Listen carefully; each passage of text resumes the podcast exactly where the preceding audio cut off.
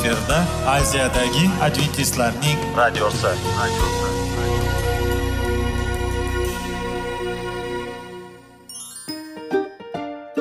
Assalomu alaykum aziz radio tinglovchilar. Sog'liq daqiqasi rubrikasiga xush kelibsiz.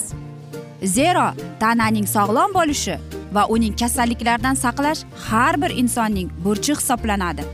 Inson uchun bebaho boylik bu sog'liq salomatlikdir. Uni asrash esa har birimizga omonat qilib berilgan. Shuning uchun ham inson o'z sog'lig'ini ehtiyot qilishi voajib amallardan hisoblanadi. Dono xalqimiz sog'liq tuman boylik deb bejiz aytmagan. Aql idroq sohibi bo'lgan inson o'z hayotini qadrlashi lozim bo'ladi. Hozirgi kunda qanchalik dori darmonlar ko'paymasin tibbiy muassa sifati shifokorlar vasiyasi tibbiy texnika yaxshilanmasin. Agar insonning o'z salomatligi haqida qayg'urmasa kutilgan natijaga erishib bo'lmaydi va biz sizlarga bizning dasturimizga xush kelibsiz deymiz.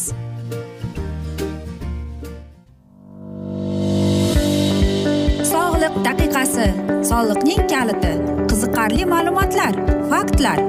Har kuni siz uchun foydali maslahatlar. Sog'liq daqiqasi rubrikasi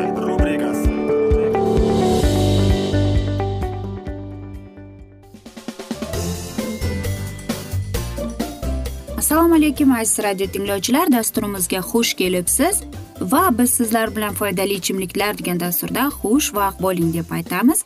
Va bizning bugungi dasturimizning mavzusi bu toksinlarning ko'pligi deb ataladi. Sog'lom tarzda yashash haqidagi ma'lumotlarning haddan tashqari ko'pligi odamlarning nima yaxshi nima yomonligini aniqlab olishiga imkon bermaydi. Biz ularning hammasiga juda oson ishonamiz.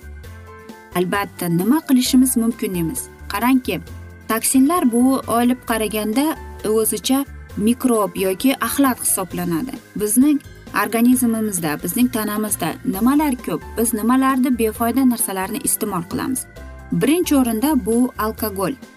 Chunki alkogol miya hujayralarini o'ldiradi yo'q o'ldirmaydi lekin qanday desam ekan ko'p miqdorda ichilgan alkogol ichimliklar neyronga zarar yetkazadi lekin ular yana qayta tiklanish xossasiga ega. Yoki e, aytaylik biz saqich chaynaymiz va bexosdan uni yutib yuboramiz va rezina saqich organizmda qoladi. Lekin bu afsona ko'pchilikda e, bolalarlikdan tanish qo'rqmang organizm hamma narsani bir xil tezlikda ham hazm qiladi deb aytadi. Sabzi esa ko'rish qobiliyatini yaxshilaydi. Sabzi qanday ko'rishimizga ta'sir ko'rsata olmaydi. Turpardaning fotoretseptorlari a vitaminining doimiy ravishda kelib turishi natijada haqiqatdan ham biroz yaxshiroq ishlaydi.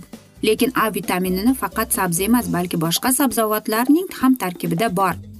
Solariyning xavfsizligi. Ko'pchilik haligacha solariyning badani qoraytirish eng xavfsiz yo'li deb hisoblaydi. Lekin jahon sog'liqni saqlash tashkiloti ma'lumotlariga ko'ra aynan solariy teri saratonining paydo bo'lishiga sababchi bo'ladi. Va yana shuni aytmoqchimanki ochlik organizmni toksinlardan tozalaydi. Tana toksinlarni chiqarish uchun jigar buyrak va taloqni ishlashga majbur qiladi. Albert eynshteyn nomidagi tibbiyot kollejida ishlovchi doktor kit tomasning ta'kidlashicha organizmdan toksinlarni ochlik yo'li bilan chiqarish haqidagi bayonot hech qanday ilmiy asosga emas kechki ovqat semizlikka ham olib keladi deb aytadi. Bleyderdagi tibbiy tadqiqot markaziy doktor fan jon forinning aytishicha siz kaloriyani kunning qaysi paytida olishingiz hech qanday ahamiyati yo'q. Muammo kaloriyaning umumiy miqdorda yog'siz ovqatlar oxirgi vaqtda zo'r bo'lib ketib yoq yog'siz ovqatlarni targ'ibot qilish urf bo'ldi. Ya'ni u bizni ortiqcha vazndan xalos qila olarmish. Esda tuting siz qutqaruvchi birdan bir yo'l bu me'yorda ovqatlanish va doimiy ravishda sportlar bilan shug'ullanish ya'ni demoqchimanki e, toksinlardan o'z biz o'zimizning mana shunday tanamizni badanimizni qanday qilib himoya qilishimiz mumkin? Bu oddiy kerak emas e, narsalardan o'zimizni ehtiyot qilish. Lekin qanday bo'ladi? Bu juda yomon. Lekin aziz do'stlar man men aytmoqchimanki bu eng yaxshi narsa. Lekin yomon ham. Men e, masalan aytmoqchimanki toksinni umuman bu axlat. Lekin bizni hayotimizni nima barbod qiladi? Birinchi o'rinda bu albatta hammamiz o'ylanib qoldikki toksin bu yomonmi yaxshimi deb. Yo'q aziz do'stlar toksin bu axlat biz o'zimizni ichimizni qanday qilib davolashimiz mumkin? Bu oddiy. Masalan siz parhez tutsangiz parhez tutganingiz bilan nima bo'ladi? Shuning uchun ham e, ochlik tutib och bo'lganingizda ham nima qilish kerak? Hech narsa. Shuning uchun ham aytmoqchimanki to'g'ri tutib. Lekin qarangki toksin qayerdan kelib chiqqan? Toksin bu eng zaharli kun hisoblanadi. E, biz masalan olma yemasdan yoki pishirilmagan ovqatlarni iste'mol qilsak ham e, mana shunday toksinlarni bizda kelib chiqaradi. E, bilasizmi toksinlar ikki xilga bo'linadi. Ya'ni bu gematogik zahar deb hisoblanadi bu bizning qonimizni zaharlovchi va yana bir narsa bor bu neyrota neyrotoksin ya'ni bizning asab tizimimizni zaharlovchi zahar va bizning miyamizni zaharlovchi hisoblanar ekan va e, mioksik zaharlar ya'ni bizning mushaklarimizni zaharlovchilar bor ekan gemorogik toksinlar bu ham qon e, sosudlarimizni Э, va ko'plab э, gemoroyning e, olib chiqishiga sababchi bo'lib qolar edi. Nevrotoksinlar bu bizning buyraklarimizni zaharlovchi toksinlar hisoblanadi. Yana neyrotoksin bu bizning e, tanamizni bizning e, badanimiz terimizni zaharlovchi toksin bo'lib keladi. Ya'ni o'lib ketadi bizning mana shunday zaharlovchi toksinlardan. Xo'sh aziz do'stlar. Qanday qilib biz o'zimizni ehtiyot e, qilishimiz mumkin? Albatta biz o'zimizni e, tozalashimiz kerak. Bir kun och qolib faqatgina suv e, qattiq ichishimiz kerak. Agar lekin mana shunday siz o'zingizda parhez tutishdan oldin albatta shifokoringiz bilan maslahat qilib ko'rishingiz kerak. Agar sizda jigaringiz yoki buyraklaringiz og'ri kasal bo'lsa demak undan ko'ra tutmay qo'yavering. Shuning uchun ham to'g'ri ovqatlanib meva sabzavot va albatta mm, mm, mana shunday asnoda siz o'zingizning badaningizni tanangizni tozalab kelasiz. Aziz do'stlar mana shunday asnoda biz afsuski e, bugungi dasturimizni yakunlab qolamiz chunki dasturimizga vaqt birozgina chetlatilgani sababli. Lekin keyingi dasturlarda albatta mana shu mavzuni yana o'qib eshittiramiz. Va sizlarda savollar tug'ilgan bo'lsa biz sizlarni salomat klub internet saytimizga taklif qilib qolamiz. Va umid qilamizki siz bizni tark etmaysiz deb chunki oldinda bundanda qiziq va foydali dasturlar kutib kelmoqda va albatta biz sizlarga va yaqinlaringizga sog'lik salomatlik tilagan holda o'zingizni va yaqinlaringizni ehtiyot qiling deb xayrlashib qolamiz.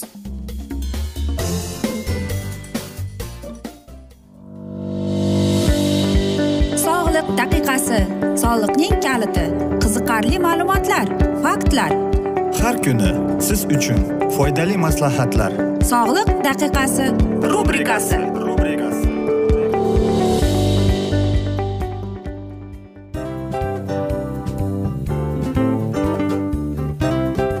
Mana ha hayotda hamma narsaning yaxshi narsalar tugaydi va yakunlaydi degandek bizning dasturimizga ham yakun keldi o'ylaymanki bizning dasturimiz sizga foydali bo'ldi deb aziz radio tinglovchimiz. Va siz o'zingiz uchun kerakli xulosalar kerakli maslahatlar olib oldingiz. Aziz radio tinglovchimiz biz bilan qoling va keyingi dasturlarimiz albatta undanda qiziqroq bo'ladi. Mana shu alfozda sizlar bilan xayrlashib qolaman.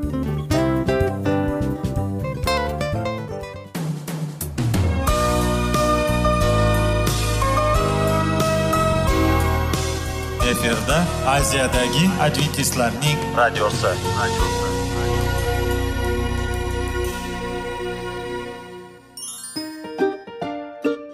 Assalomu alaykum aziz radio tinglovchilarimiz. Dil izhori dasturimizga xush kelibsiz. Pul insonni baxtli qiladimi? Albatta yo'q. Sog'liqchi. Albatta bo'lishi mumkindir. Lekin olimlar shuni isbotlashdiki to'liq va mukammal munosabatlar insonlarni baxtli qilar ekan. Albatta biz hayot davomida biz yaqin insonlar bilan odamlar bilan aloqada bo'lamiz va ular bilan munosabatlarimiz qanday kechadi qanday tuziladi? Yigit va qiz er va xotin ota ona va farzandlar va yaqin insonlar bilan.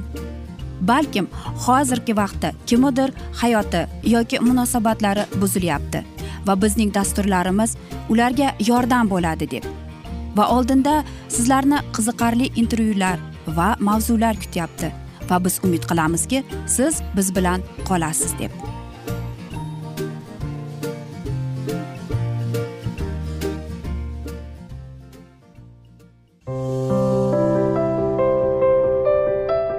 Har kuni har xil kasbdagi odamlar bilan sirlashish va bo'lishish sevgi rashq munosabat. Bularni hammasi dil izhori rubrikasida.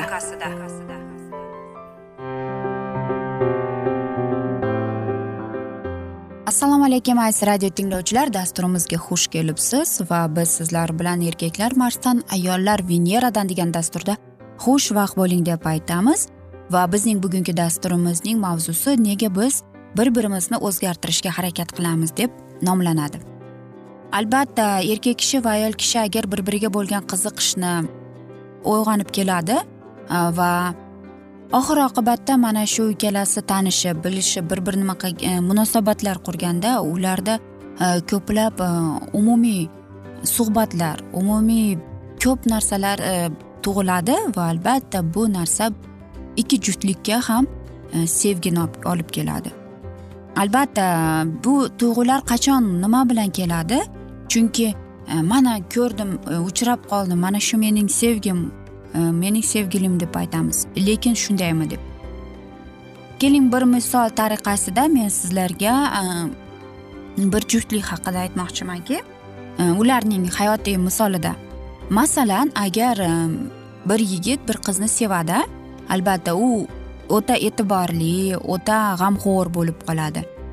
Va boshida unga bu narsa quvonch olib keladi va o'ziga bo'lgan e, ishonch hissi unda ortadi. E, lekin agar erkak kishiga uning turmush o'rtog'i bo'ldi e, deganda demak nima deyish kerak? Mana shu joyda erkak kishining yomon tomoni kelib chiqadi. Ya'ni demoqchimizki uning mana shu so'zni aytganingizda uning ichki e, sistemasi unga diqqat unga shunday signal beradi.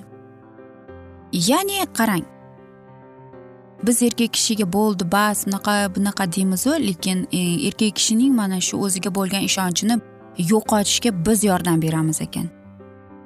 Va bu umuman olib qaraganda noto'g'ri ekan.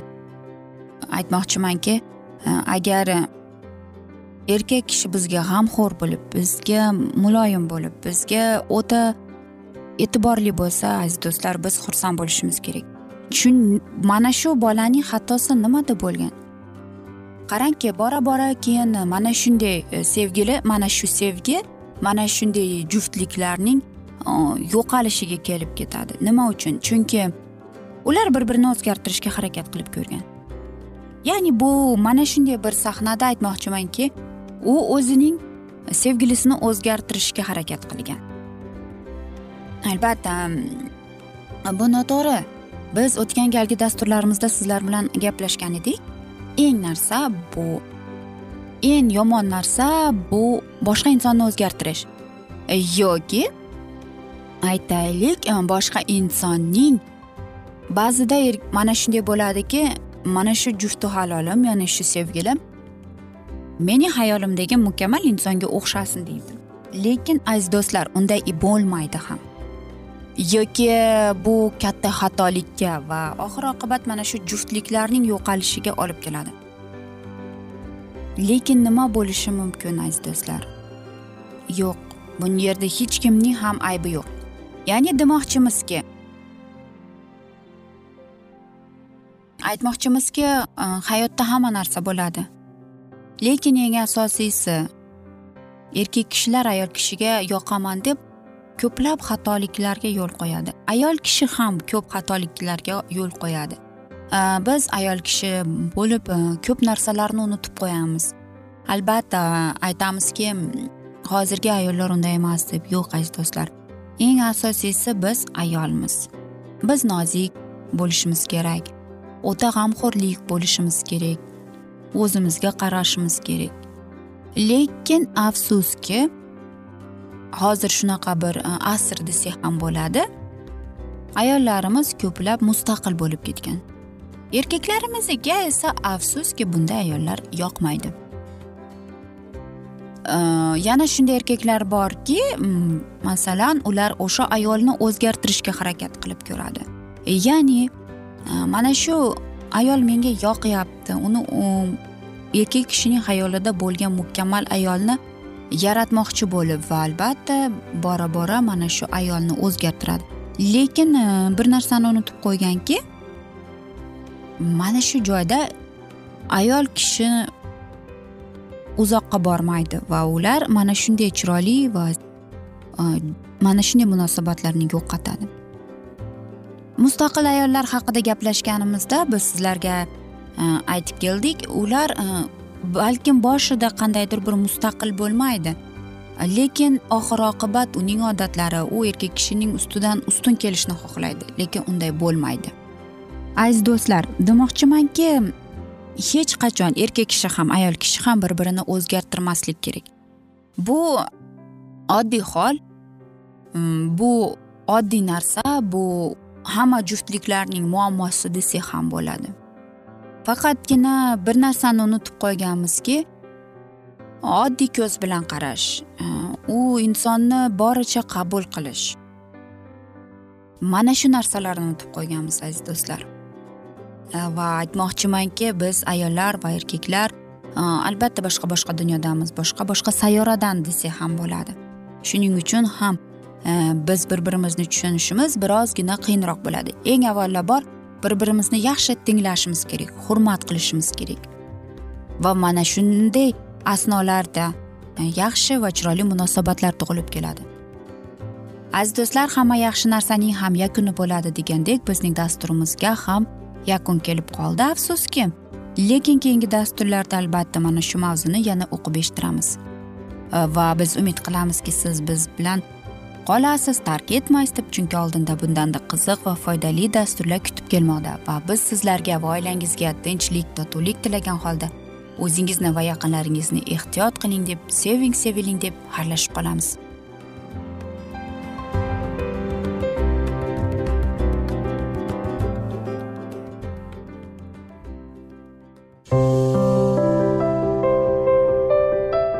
Har kuni har xil kasbdagi odamlar bilan sirlashish va bo'lishish. Sevgi rashq munosabat bularni hammasi dil izhori rubrikasida. Mana aziz radio tinglovchimiz bizning go'zal va foydali va chiroyli dasturimiz yakunlanib bormoqda. Sizlarga birozgina maslahat berib o'tmoqchi edik. Bir biringizni seving qadringizga yeting. Va erkalang albatta bir biringizni va sizga judayam chiroyli va mustahkam munosabatlar tilab qolamiz albatta. Sevgilingiz doimo yoningizda bo'lsin. Mana shu borada sizlar bilan xayrlashib qolamiz. Xayr.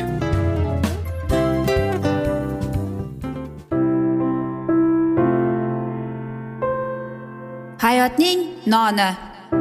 Qiziqtirgan savollar va javoblar. Buning hammasi ko'ngil uchun oziqa rubrikasida.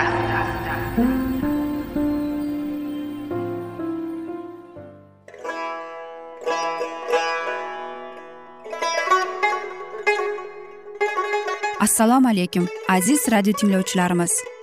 Ko'ngil uchun oziqa rubrikasida xush kelibsiz deymiz. Siz haqiqatni izlayapsizmi? Olamnimi? Umidnimi? Siz kimga murojaat qilmoqchisiz? Odamlar ko'pincha siyosat kuchiga tayanadilar. Dunyo iqtisodiyoti holati tobora chuqurlashib bormoqda. Tabiiy ofatlar va texnogen halokatlar minglab insonlarning hayotini olib ketib juda katta zarar yetkazmoqda.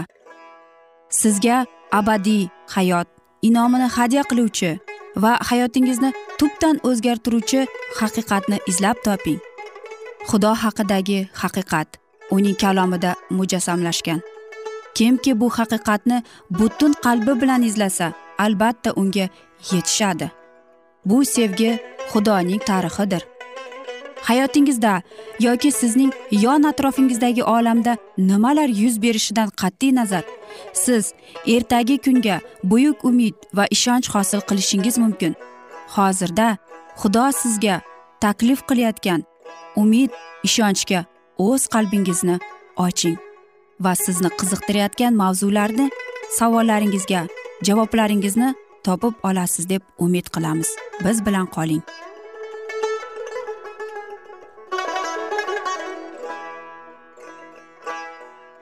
Assalomu alaykum aziz radio tinglovchilar. Dasturimizga xush kelibsiz va biz sizlar bilan ulug' kurash degan kitobni o'qib eshittirishni boshlagan edik va bugungi dasturimizning mavzusi boqiylik siri deb ataladi. Insoniyat tarixining boshlanish davrida iblis bizning ota bobolarimizni vasvasaga solishga harakat qilgan. Osmonda isyon ko'tarib u yer aholisini ham xudo hukmronligiga qarshi kurashda qo'llab quvvatlanishni majbur etishni xohladi. Odam ato va momo havo xudoning qonuniga bo'ysunganlaridan nihoyatda baxtiyor edilar. Ana shu holatning birgina o'zi osmonda xudoning qonuni barchaning shaxsiyatiga tegib rabbiyning yaratganlarni xursandchilikdan judo qilmoqda degan shaytonning o'ydirmalarini rad etadi. Bundan tashqari solih juftlikka tayyorlab qo'yilgan mo'jizaviy bog'ni iblis ko'rgandan keyin uni adovat kamrab oldi. Ularni gunoh qilishga majburlashni shundan so'ng xudodan ularni ajratib o'zining irodasiga bo'ysuntirishga hamda yerni egallab olgach xudoning shohligiga qarshi turuvchi o'z shohligini yaratishni shayton qat'iy qaror qildi. Agar iblis o'zining asl mohiyatini namoyon qilib qo'yganda edi u zudlik bilan qarshi zarbaga uchrashi mumkin edi. Chunki odam ato va momo havo bu xavfli dushman borasida ogohlantirgan edilar. Biroq u o'z yovuz maqsadlarini yashirgan holda va albatta maqsadga erishish niyatida zulmatda harakat qiladi. Iblis vositachi sifatida o'shanda jozibador ko'rinishga ega bo'lgan ayyor ilon orqali momo havoga murojaat qiladi. Chindan ham xudo bog'dagi hech bir daraxtning mevasidan yemanglar deb aytmaganmidi? Agar xotin vasvasaga soluvchi bilan muloqot qilmaganda edi unga hech nima tahdid solmagan bo'lardi. Biroq momo havo ilon bilan gaplashishga jur'at etdi va yovuz hiyla nayranglar qurboniga aylandi. Hozirda ham ko'plab insonlar ana shunday tarzda aldanib qolmoqdalar. Ular xudoning amrlaridan shubhalanadilar va ularni inkor etadilar.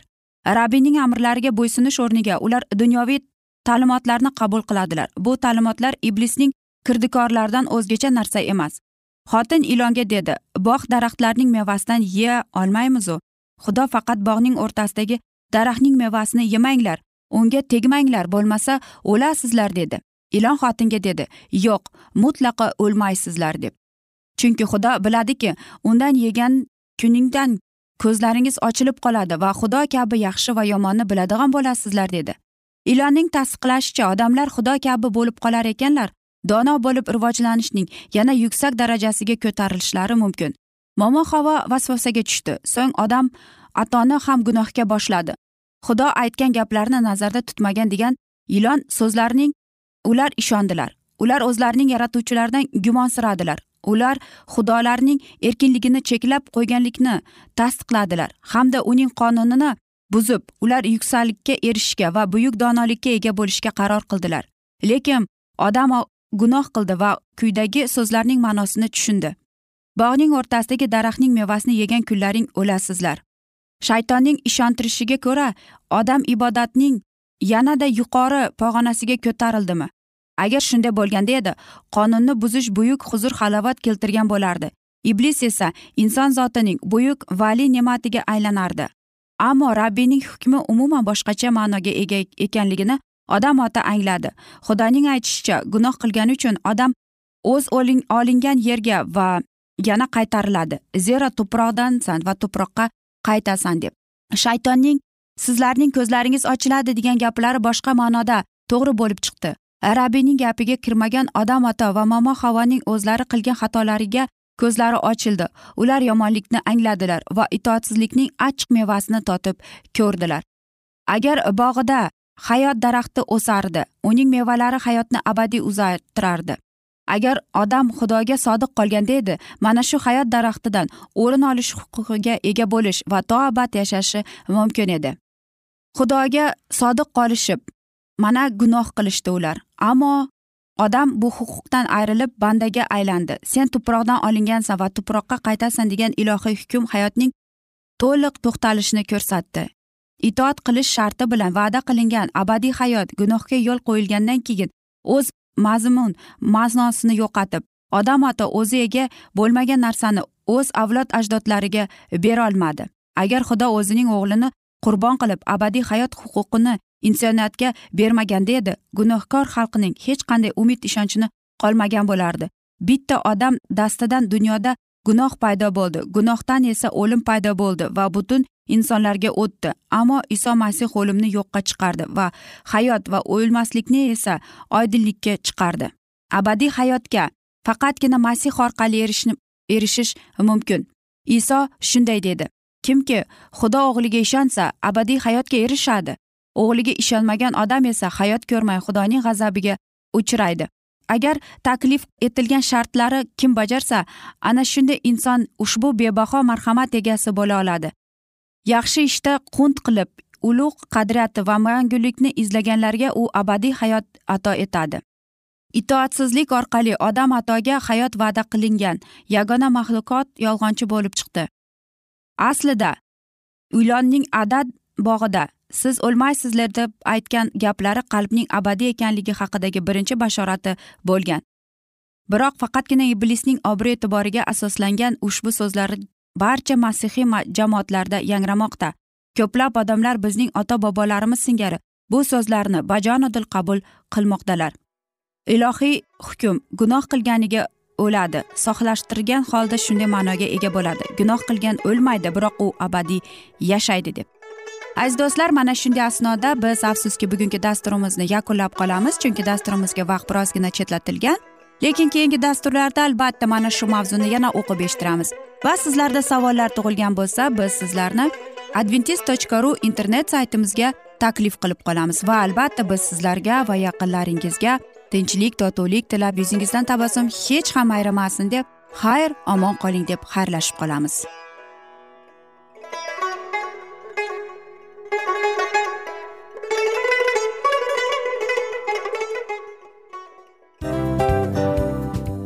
Aziz radio tinglovchimiz hamma yaxshi narsaning yakuni bo'ladi degandek bizning ham dasturlarimiz yakunlanib qolmoqda. Aziz do'stlar o'ylaymanki bizning dasturlarimiz sizlar uchun judayam foydali bo'ldi deb bizning dasturlarimizdan siz o'zingizga foydali va judayam kerakli maslahatlar oldingiz deb.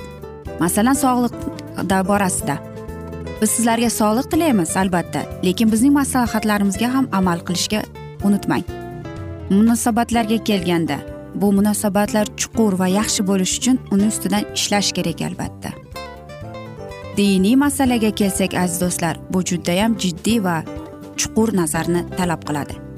Ammo biz sizlar bilan xayrlashib qolmaymiz keyingi dasturlarda eshittirishimizni davom ettiramiz va sizlar bilan mana shu yaxshi kayfiyatda xayrlashib qolamiz. Va keyingi dasturlarda ko'rishguncha xayr!